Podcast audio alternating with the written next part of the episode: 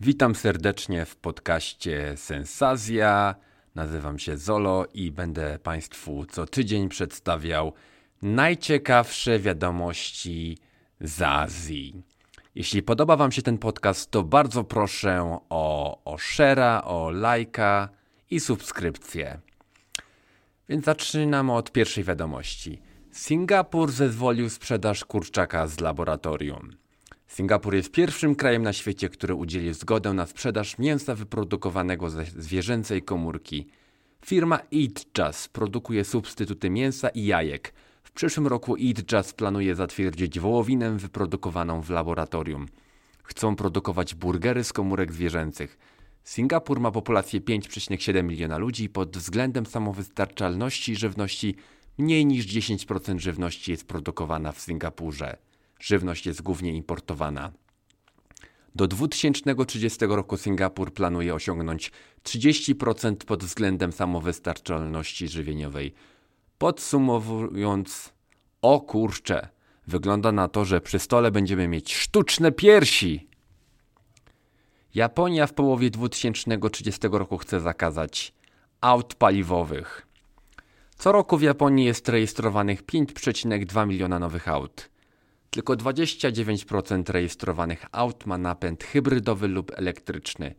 Japonia chce zwiększyć udział samochodów hybrydowych i elektrycznych do poziomu 50 lub 70% w 2030 roku. Natomiast w 2050 roku Japonia planuje zmniejszyć emisję dwutlenku węgla do zera. Ale chciałbym powiedzieć, że emisja węg dwutlenku węgla do zera będzie niemożliwa, dlatego że bąki zawierają w sobie dwutlenek węgla. A w sąsiedniej Korei koreański parlament zmienił prawo dotyczące opóźnienia obowiązkowej służby wojskowej.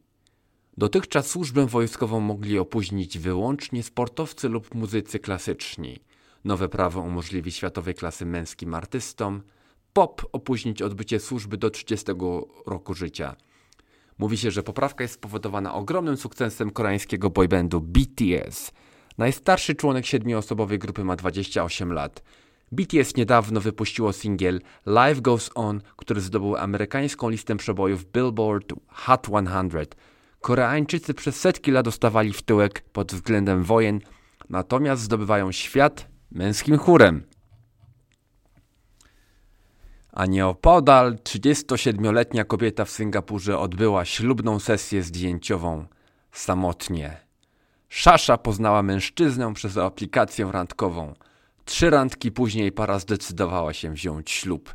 Szasza uważała, że to było przeznaczenie. Wzięła się za przygotowanie najważniejszego dnia w jej życiu.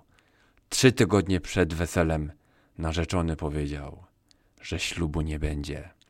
Szasza musiała wszystko odwołać. Miała już uszytą suknię, makijażystkę i studio fotograficzne. Ale postanowiła, że będzie miała ślubną sesję zdjęciową sama. Noc poślubną spędziła, edytując swoje zdjęcia. Można się skarżyć o, o niezgodę na ślub, ale Japończycy mają rytuał skarżenia się. Japan Times opisał trzy metody skarżenia się Japończyków. Pierwsza metoda to zmiękczanie, druga rozbrojenie, trzecia zmienienie. Załóżmy, że sąsiad puszcza głośną muzykę. Zmiękczanie wyglądałoby w ten sposób. Pukamy w drzwi i zamiast krzyczeć czy pan ogłuch? Mówimy przepraszam.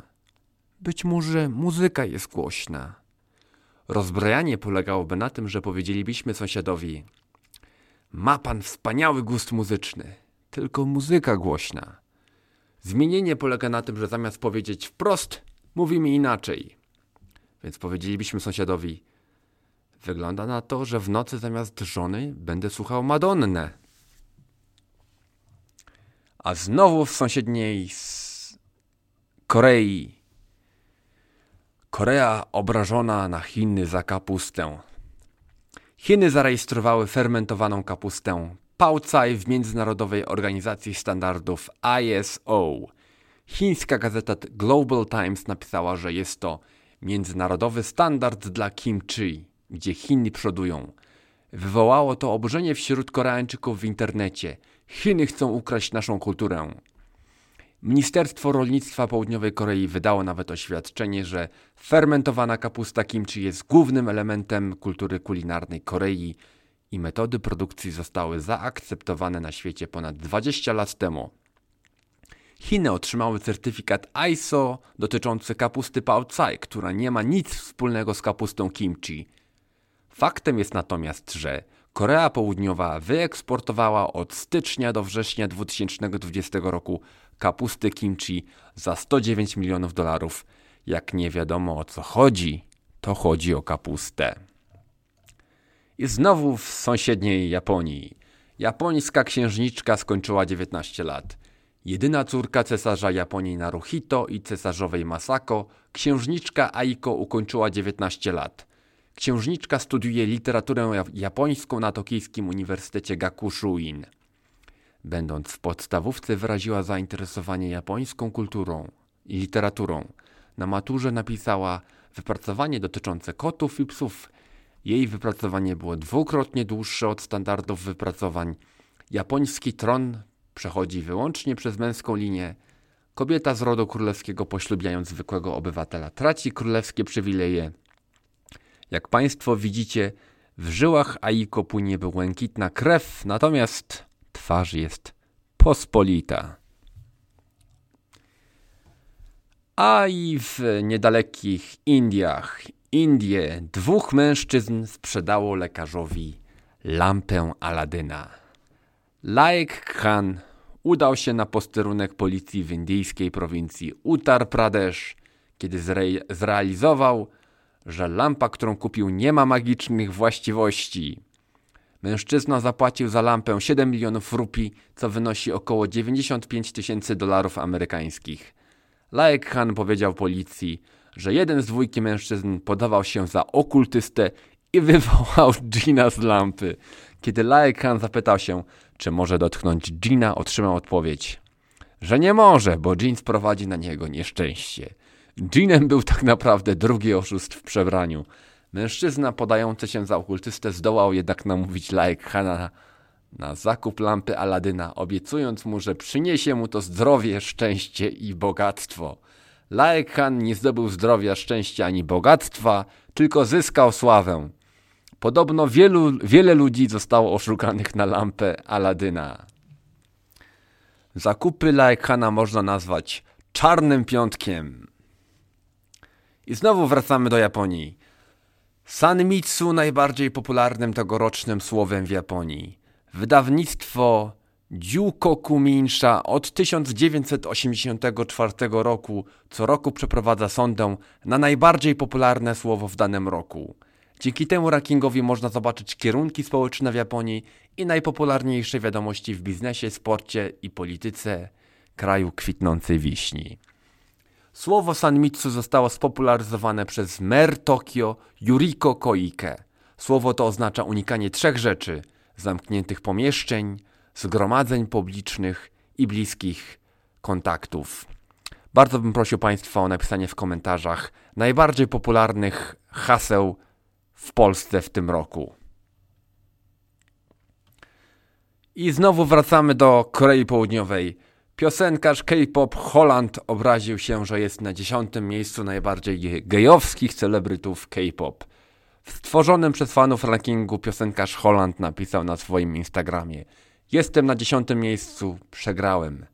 Holland jest jednym z nielicznych koreańskich celebrytów, którzy otwarcie mówią o swojej seks seksualności. I proszę Państwa, Holland nie ma żadnej żadnej e, żadnej wspólnoty z Agnieszką Holland. To jest po prostu jego nickname Holland. A teraz, proszę Państwa, przenosimy się na stepy Kazachstanu. Very nice hasłem Kazachstanu w turystyce.